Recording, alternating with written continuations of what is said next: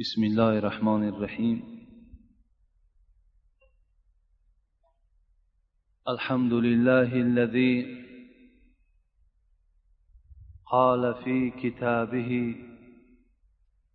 يا أيها الذين آمنوا أطيعوا الله ورسوله ولا تكونوا كالذين قالوا سمعنا وهم لا يسمعون. والصلاة والسلام على رسوله قال في ختابه صلوا كما رأيتموني أصلي. السلام عليكم ورحمة الله وبركاته.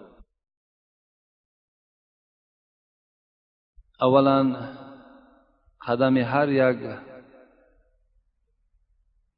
پدران و برادرانی که به این مسجد زدن خیر و مقدم می‌گویم و همه شما را به این روز بندگی خدا به این روز جمعه تبریک و تحنیت می‌گویم. و پیش از آنی که با همراهی شما در آغاز این صحبت دعا کنم اولا می‌خواهم دعا را از تعلیماتی که رسول اکرم به عباس فرزند عبدالمطلب دادن از دعای اون حضرت شروع کنم. عن ابي الفاضل عباس ابن العبد المطلب رضي الله عنه قال قلت يا رسول الله علمني شيئا. أسأله الله تعالى. قال صلى الله العافية. عباس فرزند عبدالمطلب میگوید بار نزد حبیب خدا رفتم. نزد این سرور کائنات رفتم. نزد این بهترین موجودات و مخلوقات رفتم. و گفتم ای حبیب خدا برای من یک دعای تعلیم کن تا که دعا کنم و این دعای من پسند پروردگار آید. چی دعا هست؟ رسول اکرم گفتند از پروردگار عافیت طلب کن. فمکست ایاما. عباس می‌گوید از بین چند روز گذشت.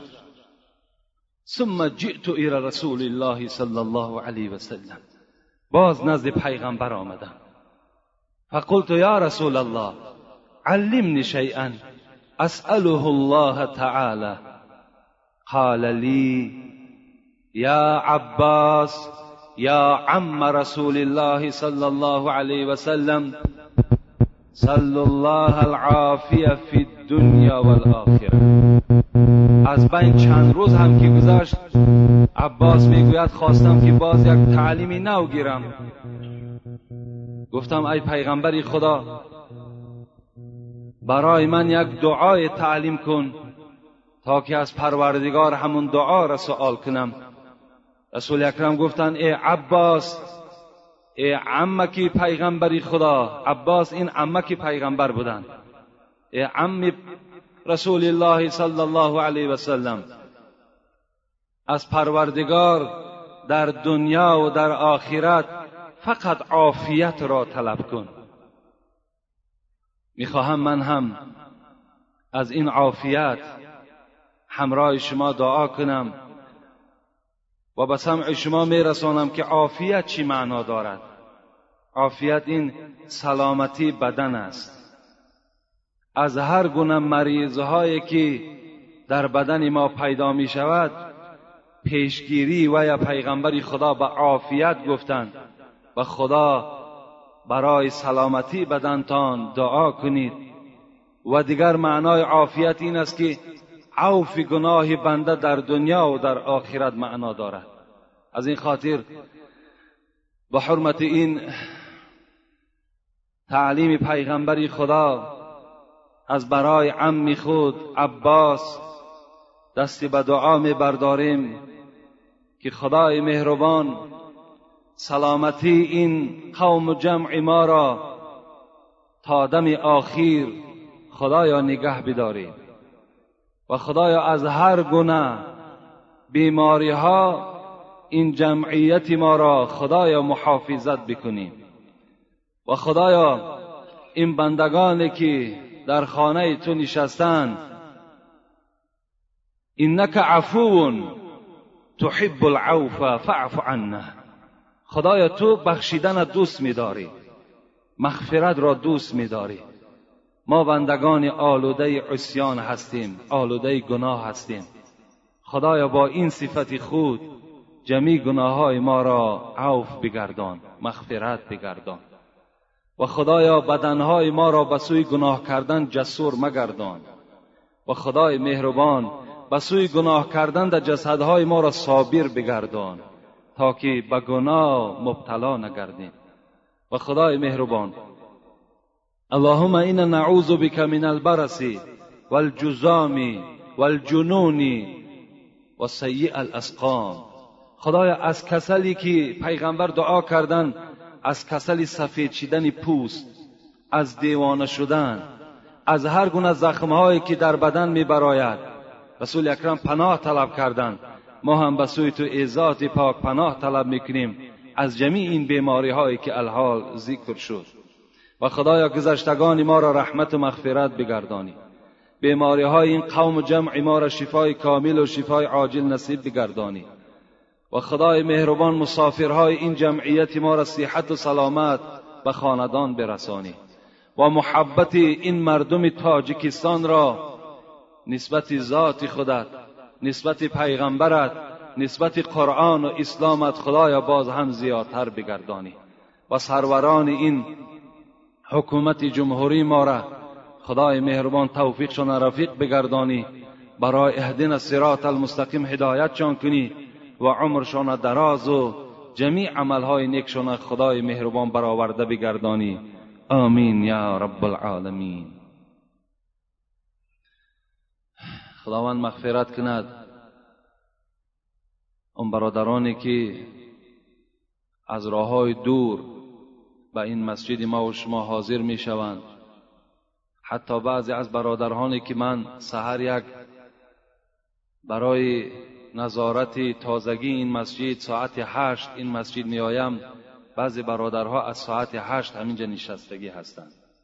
خدای مهربان قدمهای اونها را قدمهای مبارک بگرداند و خداوند در هر قدمشان گناهاشون خدای مهربان مغفرت بگرداند. آمین یا رب العالمین.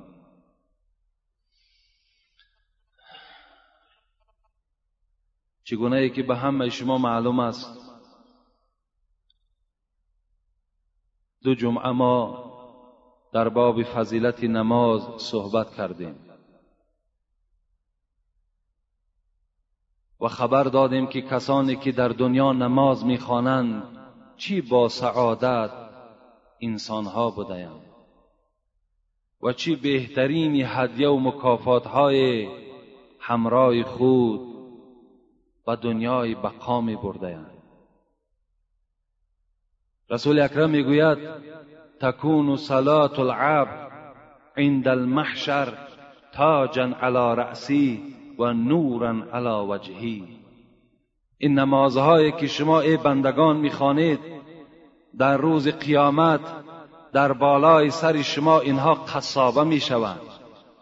اینها در بالای سر شما این نمازهای خواندگی شما به تاج مبدل میگردند. و در چهره های شما این نمازهای خوانده شما با نور مبدل می شود حتی در روز قیامت این تاجهایی که از نماز و این چهره های سفیدی که از نماز درخشان هستند قسم به خدا در روایت کتاب میاد که افت آفتاب از این روشنی در خجالت میماند. روشنی آفتاب در روشنی نوری چهره آدم نمازخان و تاج آدم نمازخان در خجالت میمانده است. می‌گفت از از من دم روشنتر باز نور وجود داشته است.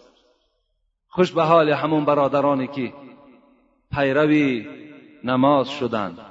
نماز در دنیا قدر کردند و نماز را ادا کردند و دو جمعه دیگر هم در باب بی نمازی صحبت کردیم و گفتیم چی بد سعادتی هست آن کسانی که در دنیا نماز نخوانده از دنیا میگذرند. چی بدبختی و چی خجالت آنها را روز قیامت منتظر است. آدمی بی نماز که در دنیا هم قدر ندارد لیکن در آخرت دیده بی قدرترینی مخلوق بی قدرترین انسان در همون محشرگاه شخصیتی بوده است که در دنیا نماز نمیخوانده است. از بس که بینمازی امروز خاندان اکثر مسلمان ها را که فرا گرفته است من خواستم باز یک جمعه دیگر در باب بینمازی همراه شما صحبت کنم. و خدا خواسته باشد شاید با همین جمعه ما و شما این موضوع نماز و بینمازی را پوشیده اعلان می‌کنیم و به هر کس حواله می‌کنیم آن چیزی را که آنها به گوش خود گرفتند و الحمدلله که ما از این مسئولیت خلاص می‌شویم و فردا روز قیامت در پیشگاه هیچ کدام شما انشاء الله من جوابگر نیستم. زیرا آن چیزی که حقیقت است من برای شما خبر می‌دهم. نوابسته و انسان در کدام زینه نباشد؟ در کدام منصب نباشد؟ من برای شما همه اونا حقیقت از آیت ها و از احادیث های پیغمبر خبر دادم. خوش به حال آن برادرانی که خوش به حال آن خواهرانی که خوش به حال آن مادرانی که نماز می‌خوانند. همه اشیای خانه تسبیح می‌گوید همه لباس او تسبیح او را می‌گوید جسد او وجود او بر او لعنت نمی‌گوید. بلکه چی می‌گوید؟ خدا رحمتش کن خدا مغفرتش کن. چی دعای مبارک است؟ حضرت سعد ابن معاذ که یکی از صحابه های خیلی گرامی هست. یک حدیث روایت می‌کند. پیش از حدیثی که وی روایت می‌کند من سعد ابن معاذ به شما شناس کنم. سعد ابن معاذ که پیغمبر خدا می‌گوید وقتی جان به حق تسلیم کرد عرش پروردگار جنبید گفتن ای رسول اکرم چرا عرش جنبید گفت از آمدن روح معاذ عرش خرسندی دارد. از صعود از برآمدن جان معاذ به سوی آسمان عرش پروردگار خرسندی کرده است. چی مبارک روح نزد من می آید. باری می‌گوید و پیغمبر خدا یک کرته تحفه کردند. همین معاذ بینهایت ملایم بود. اصحاب می‌گوید با دست خوب میخپیدند تعجب می‌کردند این چی گزوار قیمتی بوده است. که با پیغمبر خدا هدیه کردند رسول اکرم گفتند لمنادل سعد ابن معاذ فی الجنه احسن من هذا. اصحاب گفتند با خبر باشین که یک روی مالچه سعد ابن معاذ که خداوند در, دو در جنت به معاذ تسلیم می‌کند از دنیا و آنچه در دنیا هست بهتر است. یک روی مالچه سعد.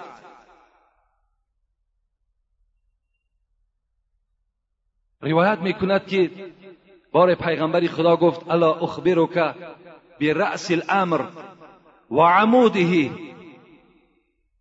و ذروت سنمه ای معاذ گفت پیغمبر آیا خبر هم تو را بر اساس کار مهم کار و پایه اساس کار و قوله بلندترین این اساس کار؟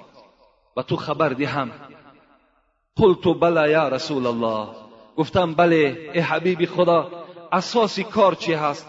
و پایه اساس کار چی هست؟ و قوله بلندترین اساس کار چی هست؟ رسول اکرم گفتند رأس الامر الاسلام و عموده الصلاة و ذروت سنمه الجهاد. پیغمبری خدا تکرار کردن گفتند ای معاذ گفتند اساسی کار این اسلام است. اسلام است. اسلامی که خداوند قادر و توانا برای تمام جهانیان گشزد می‌کند. این الدین عند الله الاسلام. دینی که در نزد من پذیرفته می شود دینی که پیروان خودش را در دنیا و در قیامت عزت می بخشد دینی که قدر آدم در نزد من بلند می سازد این اسلام است. یگانه دینی که در نزد خدا نجات دارد این دین اسلام است.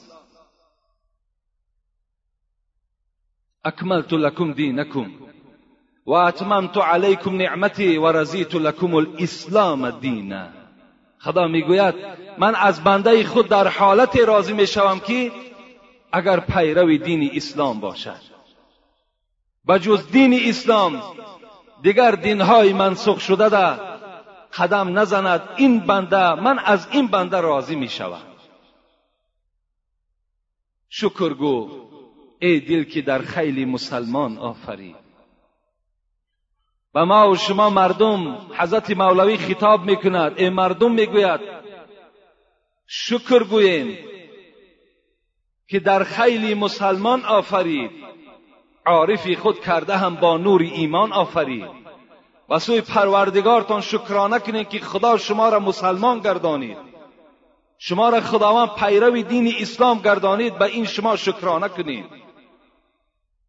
زیرا خداوند ما و شما خبر می‌دهد و ما یبتغی غیر الاسلام دینا فلن یقبل منه و هو فی الاخره من الخاسرین اگر کدام بنده گمراه اگر کدام بنده به عقل اگر غیر دین اسلام دیگر دین را برای خود قبول کرد وای خدا زده است می‌گوید.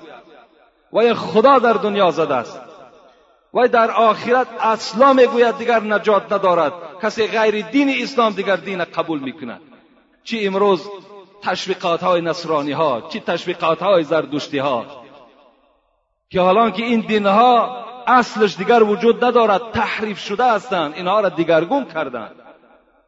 می‌خواهند همین مردم بیچاره کمبغل ما و شما را از فقیریمان استفاده برده امروز نصرانی کنند. کدام شما نصرانی می‌شوین؟ باور کنین شما دیگر حق همسایگی ندارین شما جنازه ندارین. شما را دیگر نان شما را خوردن جایز نمی شود احتیاط کنین. حلاک شوین لیکن در دین اسلام انشاءالله آخرت شما زیبا هست. آخرت شما فخر دارد. برای چهارسوم همین یهودی دین خودم میفروشی شرمنده می‌شوی. چی در دنیا و چی در آخرت. حضرت علی می‌گوید این من النعیم دنیا یکفیک الاسلام. یکفیک الاسلام نعمتا از تمام نعمتی که شما در دنیا داریم پدر تا نعمت است مادر تا نعمت است. فرزندهای جگرگوشه برای شما نعمت است. پول و مال تا نعمت است. ماشین های سواری تا نعمت است. خورد و خوراکی که در خانه داره نعمت است. از همه اینها دیده حضرت علی می‌گوید اسلام بهترین نعمت است. اسلام بهترین نعمت است. به این شما شکرانه کنید. و از دینتان در هر جایی که باشین حمایه کنید. این دین به آسانی به دست ما آمد چه عذابها چه مشقتها چه جوانهای مثل ما و شما در راه خدا کشته شدن که امروز این دین حق به ما و شما آمده رسید. عبدالله ابن جحش با همراهی سعد ابن ابی وقاص که حکایه هست شاید شما شنیده باشید فردا جنگ احد سر می شود. جنگی که پیغمبر خدا دندان مبارک از دست دادند جنگی بود که چند سنگ در چهره های پیغمبر زده شد. چه روزی دهشتی بود. در همین جنگ پیش از یک روز حضرت عبدالله ابن جحش با همراهی با همراهی سعد ابن ابی وقاص رو پرو نشستند و گفتند فردا جنگ احود است. بیا با یکدیگر دعای می‌کنیم. تا که خداوند دعای ما و شما را در این موضع قبول میگرداند. حضرت سعد گفتن اول من دعا می‌کنم. گفتن بگذار تو دعا کن. گفت پروردگارا فردا جنگ احود وقتی که شروع می شود مرا هم با همراهی یک مشرک یک کافری خیلی بهادر و جسور رو پرو بگردان و من با او محاربه کنم و این کافر از دست من کشته شود. حضرت عبدالله ابن جحش می‌گوید من آمین گفتم. و بعدا سعد گفتن شما دعا کنید. دلسوزی را ببینید. غمخاری را ببینید. پشتیبانی از اسلام را ببینید. عبدالله چی دعا کردن؟ پروردگارا من هم می‌خواهم که فردا با یکی از جسوران و دلیران این کافرهای عرب روپرو شوم.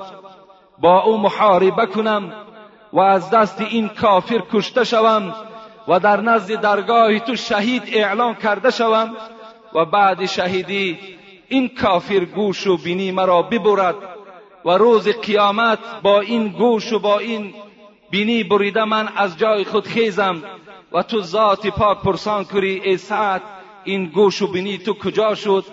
و باز خودت ای ذات پاک جواب گردانی که این گوش و بینی تو در راه خدا بریده شد وارد جنت شو. این دعا را کردن آمین گفتند فردا جنگ احد شروع شد. حضرت سعد می‌گوید من به دعای خود نائل شدم یکی از کافران خیلی برجسته مشرکان عرب کشتم. یکی وقتی بیگاه شد ما مسلمان ها را از بین مشرک جدا می‌کردیم. به ناگاه میگد جسدی عبدالله ابن جحش را نگاه کردم. که بنی ایشان بریده شده است گوشهای ایشان بریده شده است. و به سوی پروردگار آبی چشم کردم و گفتم که دعای عبدالله ابن سعد در نزد پروردگار قبول شد. عبدالله ابن جحش. چی جانسوزی ها کردند؟ چی تمناها کردند؟ آیا برای عبدالله زندگی لازم نبود؟ آیا عبدالله خانه و در و فرزند نداشت؟ داشت. لیکن پشتیبانی از اسلام می‌کردند. ما و شما باید در هر حلقه می نشینیم. پشتیبانی از اسلام کنیم پشتیبانی از پیغمبر کنیم پشتیبانی از آیت های قرآن کنیم. نگذاریم که این بدبخت های ما و شما اسلام ما و شما را سنگ زنند. اسلام ما و شما را تحقیر کنند. این گوش هایی که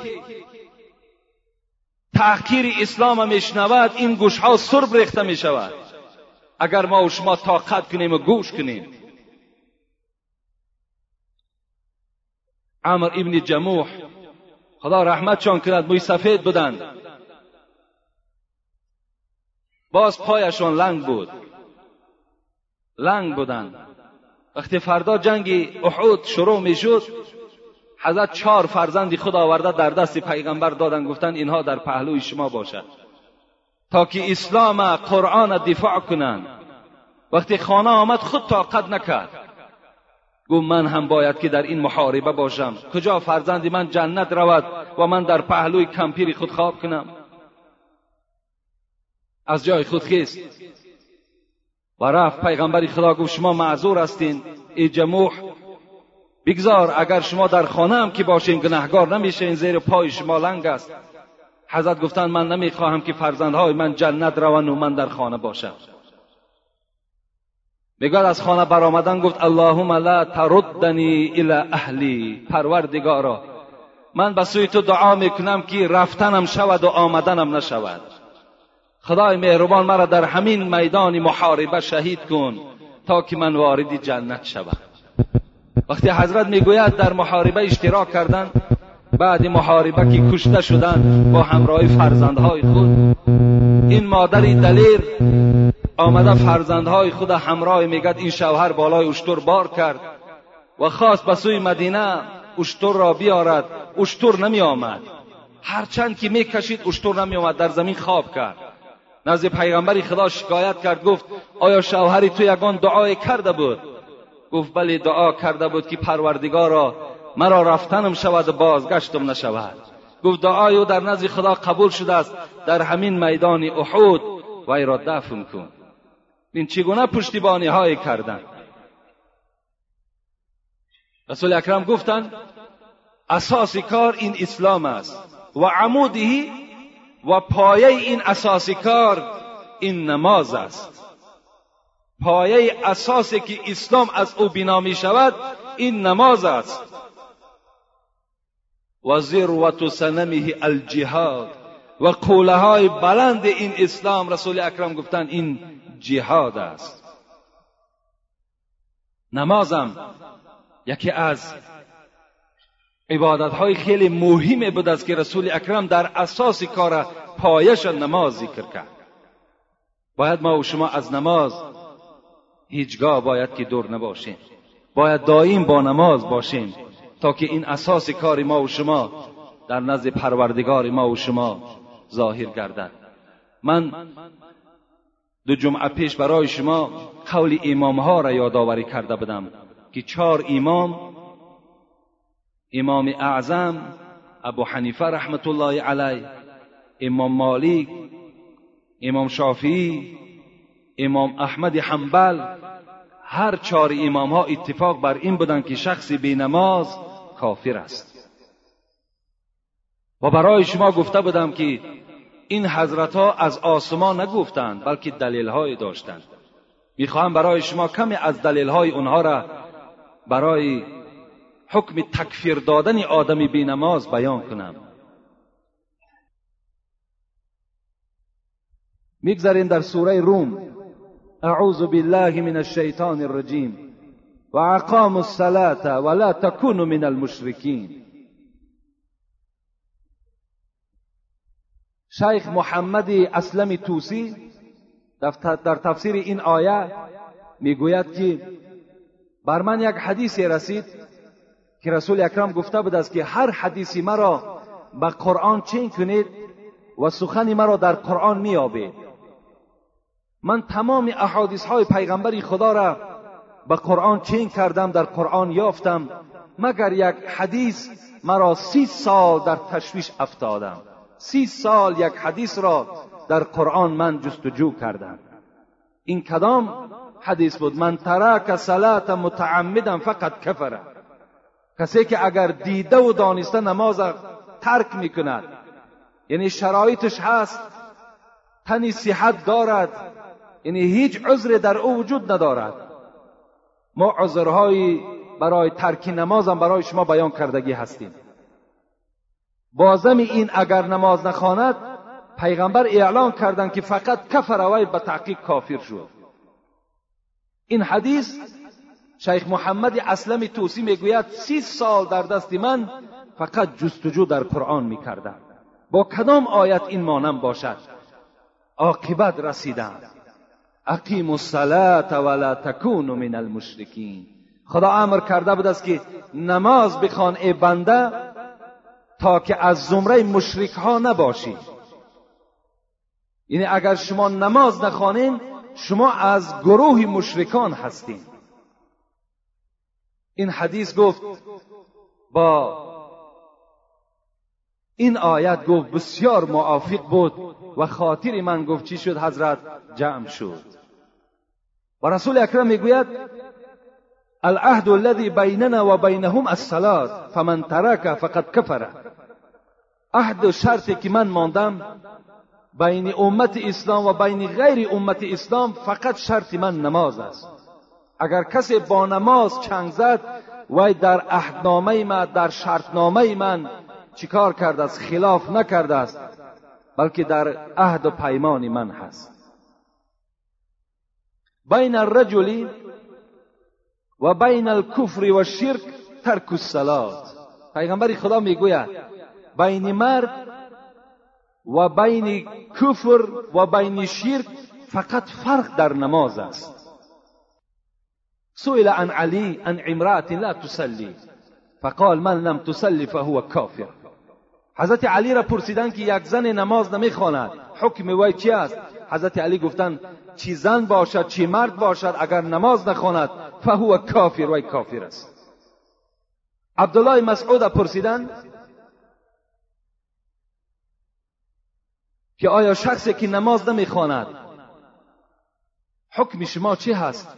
و گفت فلا دین له دین ندارد این از حکم این ائمه اربعه که این چهار امامی که دنیا در زیر این چهار مذهب حرکت دارد. حکم اینها از روی این آیه ها و این احادیث ها صادر شده است و بینماز حکم به کفر دادند. می‌گذاریم در تحلیل یک آیت دیگر. اعوذ بالله من الشیطان الرجیم. فویل للمسلین الذين هم عن صلاتهم ساهون. صدق الله العظیم. شاید همه این شما این سوره را از یاد می‌دانین. این سوره ماعون است. در ما و شما ارعیت الذی می‌گوییم. که خداوند می‌گوید فویل للمصلین. ویل از برای نمازخوان. از برای نمازخوان ویل باد.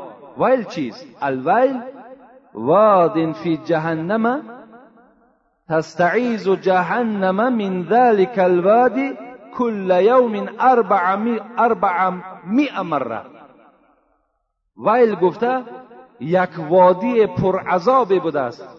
در دوزخ که هر روز جهنم که اینقدر گرمی و تفسان است از این وادی ویل به سوی پروردگار چهارصد بار ابن کثیر می‌گوید به سوی خدا پناه طلب می‌کند.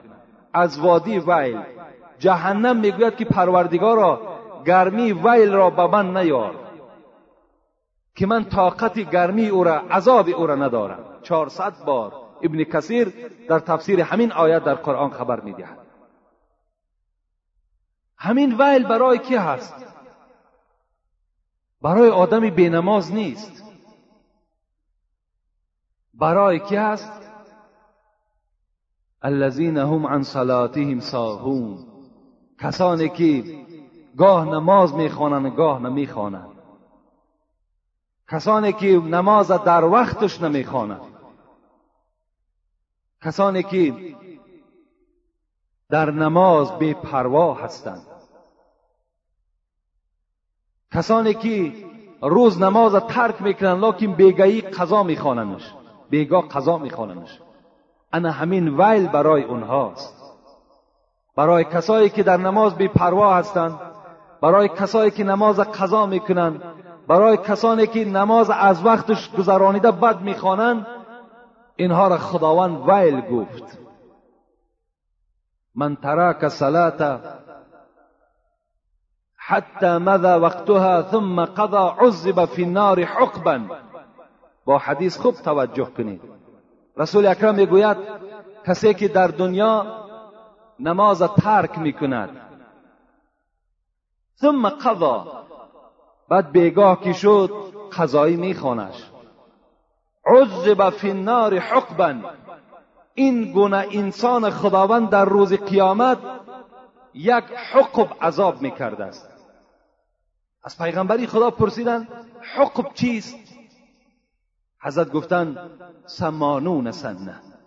برای یک نمازی که وی قضا کرده است برای یک نمازی که وی در وقتش به پروایی کرده است خداوند در قیامت هشتاد سال عذابش می‌کرده است.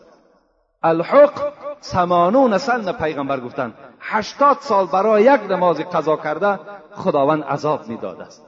السنه باز رسول اکرم دوام دادن السنه سلاسمی و سیتین یوما.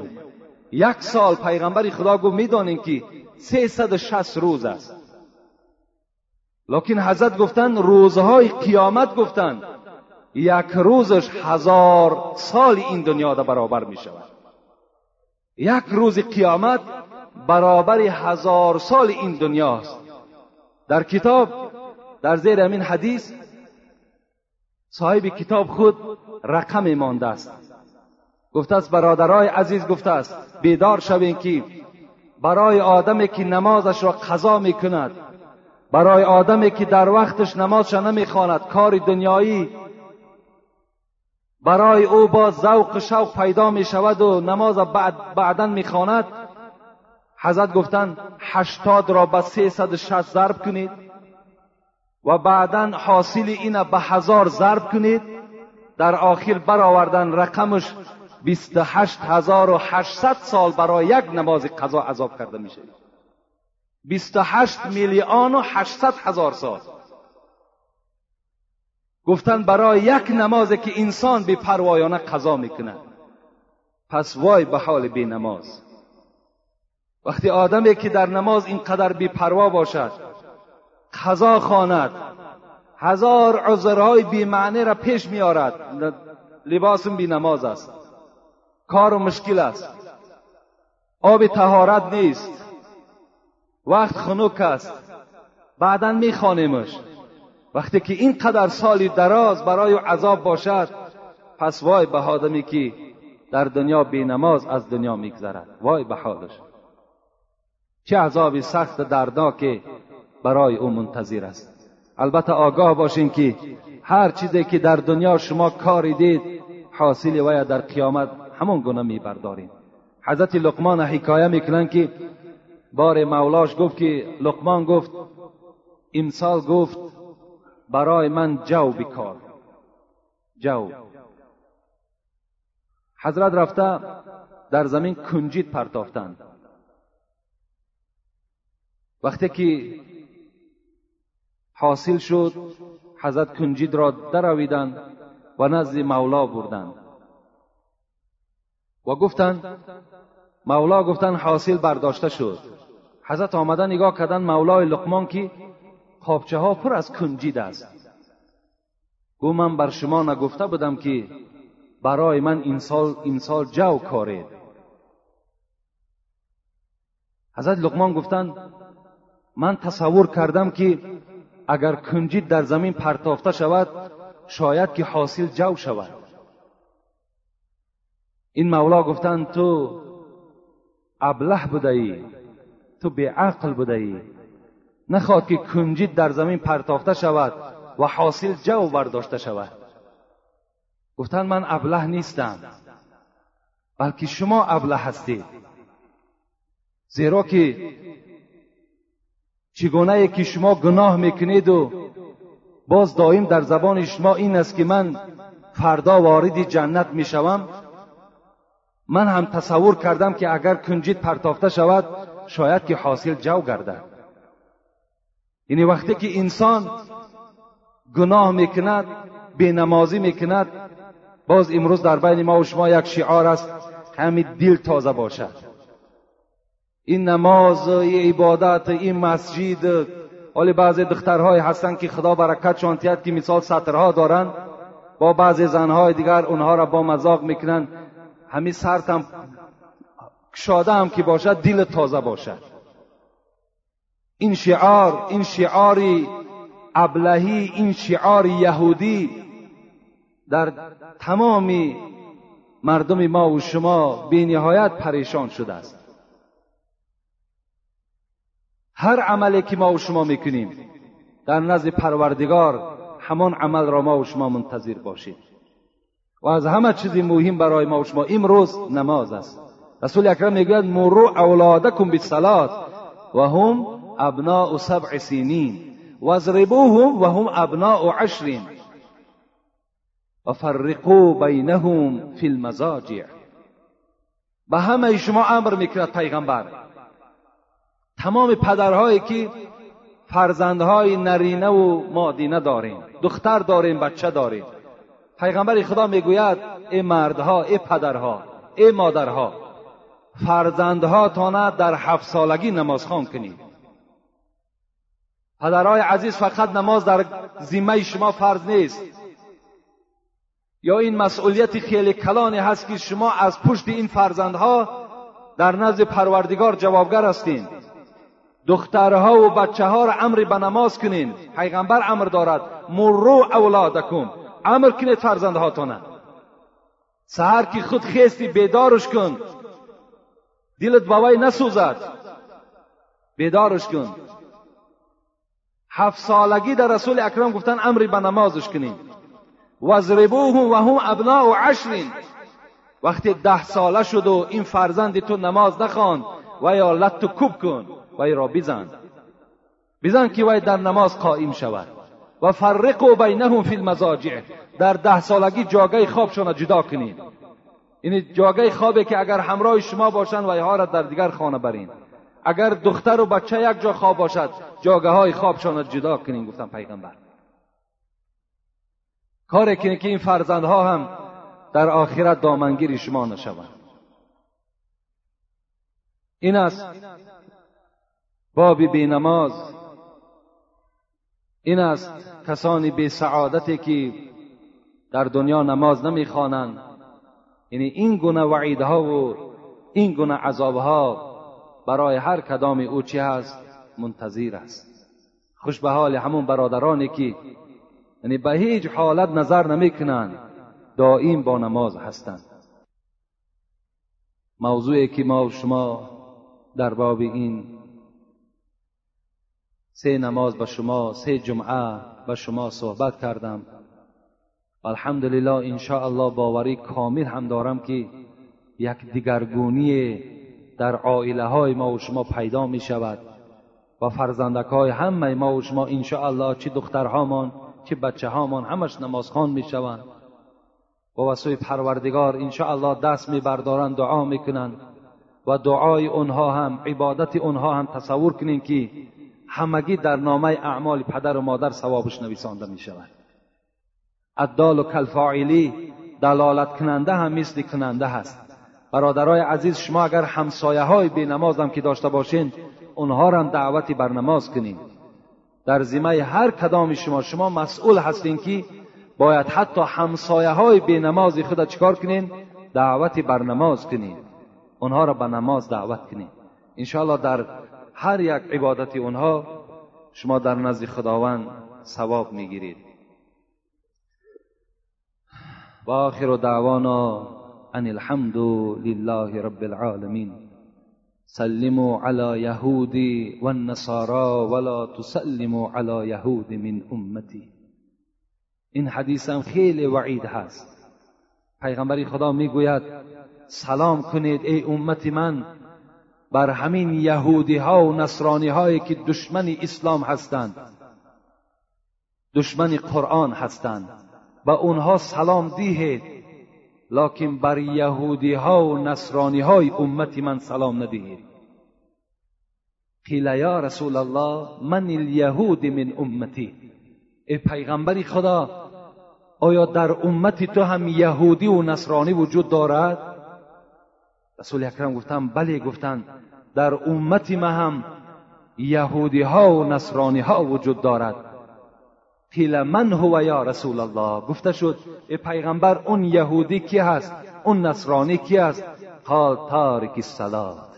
کسی که در دنیا به نماز باشد و یا رسول اکرم یهودی و نصرانی خوندن حتی دعا کردن اللهم لا تدع لنا شقیا محروما. پروردگار را گفت در بین ما از امت من مگردان منافق و بدبخت. محروم از درگاه پروردگار کسی را نگردان. قال اتدرون من شقی المحروم؟ ای اصحاب من می‌دونین که کی هست بدبخت؟ کی هست از رحمت پروردگار ناامید؟ گفتن کی هست ای پیغمبر؟ گفت تارک الصلات. آدم بینماز از رحمت پروردگار دور است. آدم بینماز پیغمبر شقی خواندند بدبخت خواندند.